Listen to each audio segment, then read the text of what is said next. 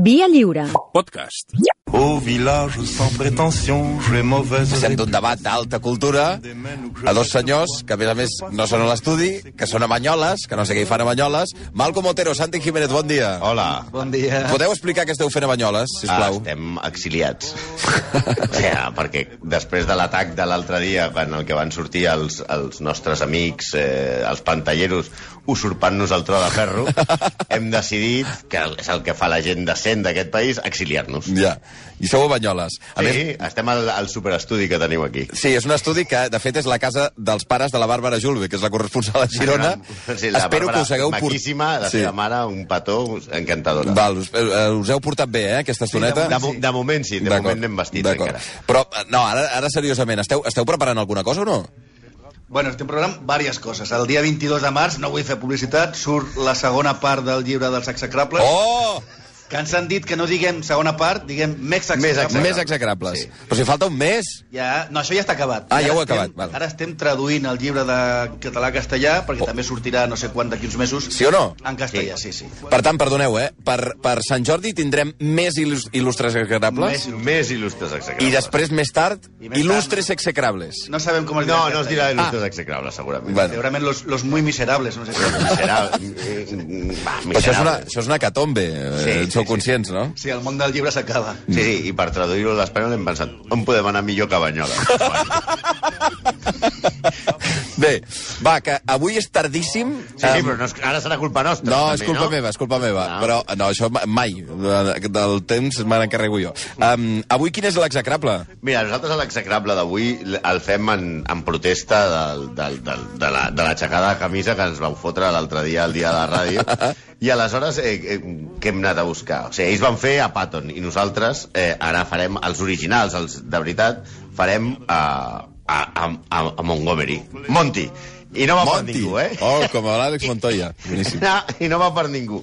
És a dir, un, un, un militar, que era la nèmesi de Patton, sobrevalorat, classista, homòfob, que tot i tenir tendències homosexuals i pederastes, excèntric, maniàtic, fins a dir prou insuportable. Un home que amb les seves decisions equivocades va portar la mort a milers de soldats, tot i així ja s'ho va fer venir bé per passar la història com un heroi. Avui li traiem la boina al mariscal de camp Bernard Lowe Montgomery, més conegut com a Monty, i no és a l'Àlex. Monty Python's Flying Circus. Ta-ra-ta-ta. Exacte, aquí se'n diu el Monty Python. Monty Python. Perquè, perquè tothom que va tractar Monty, l'anglès, no el nostre, el que estimem molt i que ja estarà pensant la legada dels Oscars, Sí. coincideix eh, en dir que era un tipus insuportable. El No Monty. Tenia una No, explicació. A l'anglès, eh? L'anglès, L'anglès, no, no, no, sí, clar, No clar. el que vindrà de seguida per No. parlar de cinema. Tenir, te- que, com acostuma a passar, remet a la seva infantesa. Venia d'una família noble, ja sabem que molts cops això de venir de família noble no vol dir res, més enllà de que no saps bufar la sopa quan surt fum del plat, i de fet, en un intent de ridiculitzar-lo, els genials còmics, els Monty Pythons, van batejar el seu grup amb el seu nom. La complexa metàfora de Python, pitó serp, és potser molt elaborada, però la deixem a la vostra imaginació i no sé jo si el nostre Monty admet la mateixa metàfora. Bé, comencem pel pare. El pare de, de, de Montgomery, Sí. de Monty. No el de l'Àlex, el, el Montgomery anglès. eh? Passareu tot el rato així, el Montgomery sí, anglès. Avui, Val, avui pilla, però vamos, per tot arreu. Era un bisbe anglicà que es Sí. deia Harry Henry Hutchinson Montgomery. Mm. I ja hem dit altres vegades que això de ser fill d'un capellà és cosa que no és gens estranya a Anglaterra als Estats Units, dona una ràtio molt alta del gent que al llarg de la seva vida l'acaba liant. De fet, els Montgomery ja la lliaven de bell antuvi. Sempre he volgut dir aquesta frase per la De ràdio. bell antuvi. De bell antuvi. El seu avantpassat, Gabriel, comte de Montgomery, va passar a la posteritat per ser l'homicida per accident d'Enric II de França. Tot jugant amb una justa li va fotre la llança per un ull. A L'ull de la cara. Ah, Enteneu-me. va, tira. Però la part més xunga de la família no era la part del pare, era la part de la mare, que era com la bruixa del conte. Una senyora que feia otoepo. Imagineu com devia ser aquesta, aquesta senyora que, que aboca la senyora Rottenmeier, pas de l'ESO és com Soraya Saez de Santa Maria, però més emprenyada encara, que un dia uns periodistes li van preguntar a Montgomery si mai havia tingut por al camp de batalla. I ell responia, no, vaig descobrir molt d'hora el que és la por per culpa de la meva mare. Vaig aprendre a tenir por en una edat en què només penses en jugar. De la meva infantesa només recordo grans batalles contra la meva mare en les que jo sempre en sortia derrotat. Parlant clar, la seva mare estava tocada del bolet. Odiava els seus fills. El Oi. problema és que en va tenir nou, Oi. que és el que té casar-se amb un bisbe. Imagineu a Rouco Varela si fos pare. Ja, ja, ja, ja. Perquè és això de que quan això has de tenir fill, no? Bé. Sí. Així, per exemple, si un dels nens es trobava malament a la nit, havia d'aguantar-se fins al matí següent sense dir res, perquè tenien absolutament prohibit despertar la seva mare, passés el que passés. Hosti. Si ho feien, eren durament castigats. I no penseu que són els càstigs de merda que us imposen ara. O sigui, que és una tarda sense jugar a la Play o que et prenc el telèfon dues hores. No, no, parlem d'hòsties. Ai, ai, ai, ai, va. És aquest sistema percussor del mètode estiví per dormir. No, és veritat, Perquè dormin això. els pares, no els Ah, nens, clar, els nens que els vingui pel sac. És el que va inspirar a Monty a la seva aplicació de la disciplina militar als seus subordinats, que també és la que aplica el nostre Monty amb els de fotogrames. Exacte. Tenir, tenir una mare com aquesta hauria de servir per unir els germans, però la realitat és que Monty va decidir anar per lliure. El seu germà Donald el recorda com l'ovella negra de la família, una veritable pesta, dolent i individualista. Aquesta faceta de cabró es va anar accentuant amb els anys i quan va ingressar a la Real Acadèmia Militar de Sandhurst es veu que ja era un veritable fill de puta. Ah, la la seva venga, família eso. tenia molts diners, però no volien que Bernard fos militar. Volien que fes la carrera eclesiàstica, com el papa. I ell es va negar. En venjança, la seva mare no li enviava diners a l'acadèmia, on alternava amb els pijos més pijos dels pijos d'Anglaterra, que són molt pijos. Aquest fet no va suavitzar el seu caràcter, sinó que el va fer un tipus rancuniós, garrepa, i era el típic aquest que deia «Ai, m'he deixat la cartera a casa, no puc pagar mai». Els seus inicis com a cadet militar van ser problemàtics. Primer perquè va decidir anar amb boina des del primer dia. Como, pa, como Pío Baroja. cosa que estava reservada als alumnes d'últim any. Però a ell tant li fotia. Els professors li treien la boina a cops de pal, cosa que tampoc li afectava massa. De fet, quan va ser ja finalment general, va seguir portant-la com a desafiament als que havien estat els seus mestres i companys. Fins aquí podem pensar. Home, era un xaval rebel, amb conviccions, una mica cap quadrat, però res de l'altre món. És que ens hem deixat la seva vertent d'especialista en fer novetades als més joves. Era un veritable sàdic i cruel. Fins que un dia se li va anar una miqueta a la mà i va incendiar un company que acabava, va Hosti. acabar amb greus cremades. I només la influència del seu pare va evitar que l'expulsessin de la casa. Esteu fatal, eh? Això és full Monty. Clar, Monty, full Monty. Esteu fatal, Va eh, de per tu, debò. Àlex. Oh! Una vegada llicenciat, el nostre xavalet ja tenia galons i podia començar a jugar a les guerres, diguem-ne, seriosament. Sí. I allà va començar a demostrar que tenia la millor qualitat que pot tenir un soldat o qualsevol que es vegi involucrat en un conflicte armat.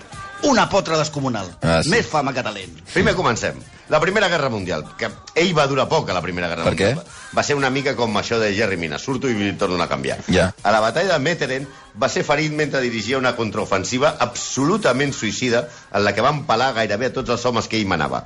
A ell també l'haguessin matat, si no arriba a ser, per un sergent que va anar a salvar-lo quan va caure ferit, però el van matar el sergent. El sergent va caure mort a sobre de Monty i amb el seu cos va frenar la onejada de bales que, li, Hosti. que, que anaven amb ell. Oh, quina Durant potra. Una bona esta... Durant una bona estona anava... ell va utilitzar el cos del sergent que l'havia anat a salvar com a escut, com a escut no? Mm. Exacte. Finalment el van venir a rescatar. Una mica com l'escena aquella de Peter Sellers a, a, a, al Guateque quan fa allò de, amb la trompeta i que no hi ha manera de matar-lo, doncs pues així.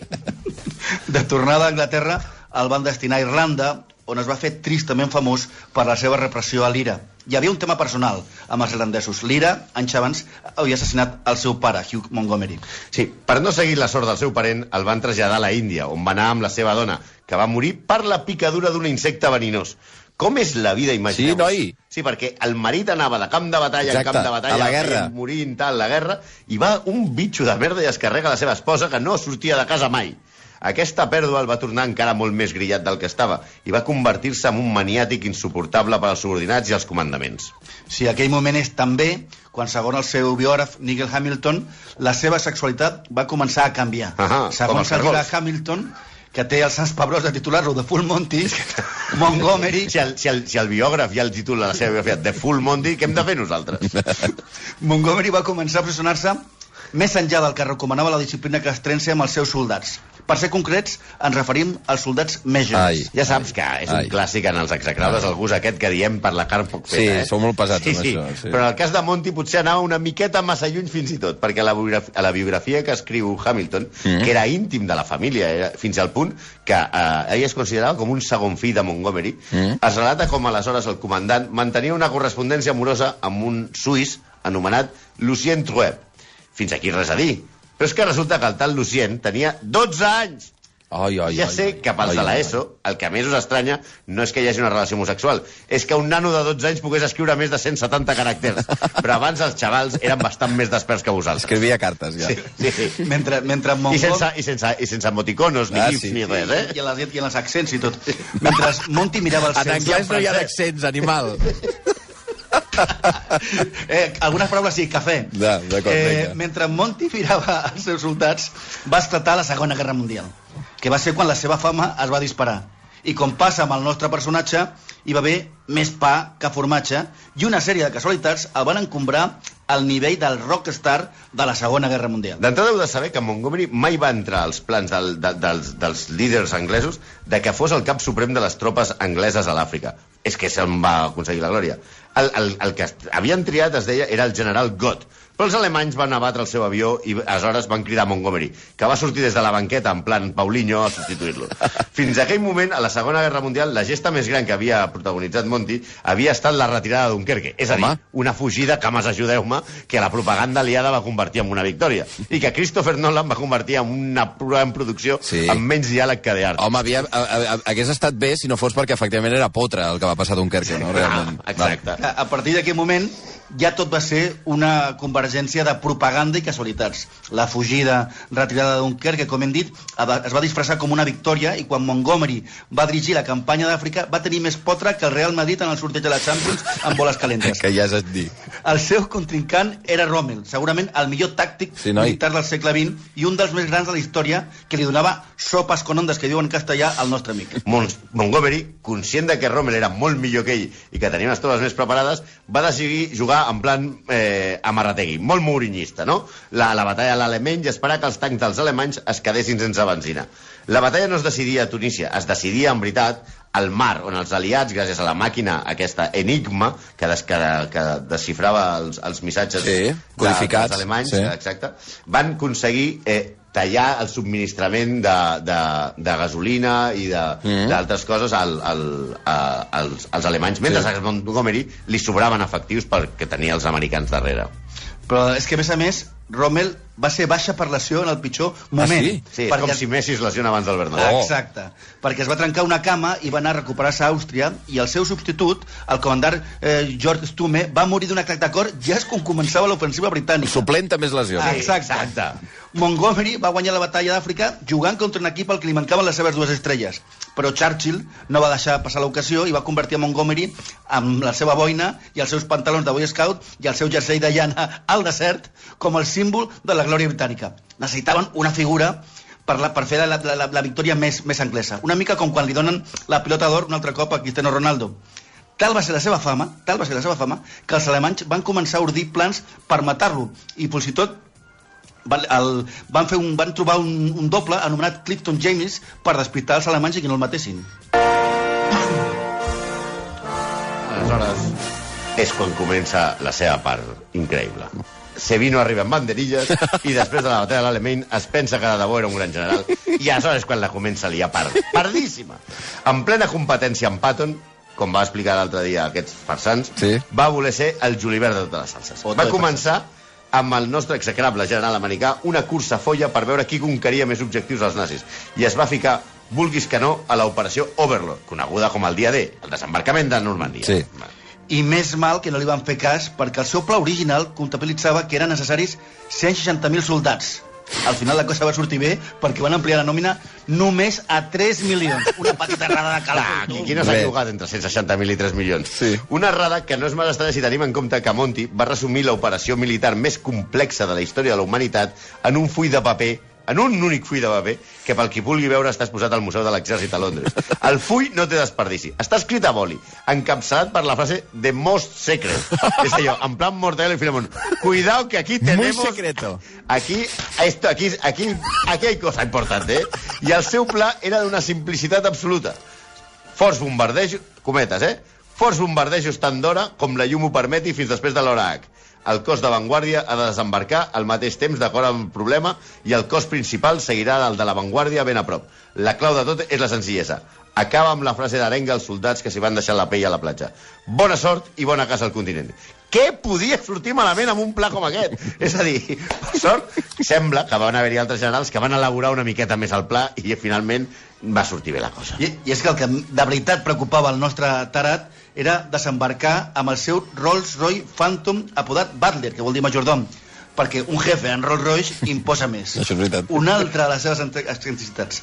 Volia ser el primer en arribar a Berlín i volia fer-ho amb el Rolls. Patton, en canvi, volia fer-ho amb un tanc, amb un tanc Sherman, perquè no hi havia trobat eh, dracs lliures. Però si l'operació Overlord va sortir bé, no es pot dir el mateix de l'altra operació que va participar ell, la Market Garden, que suposa que és la que havia d'acabar amb la guerra per la via ràpida.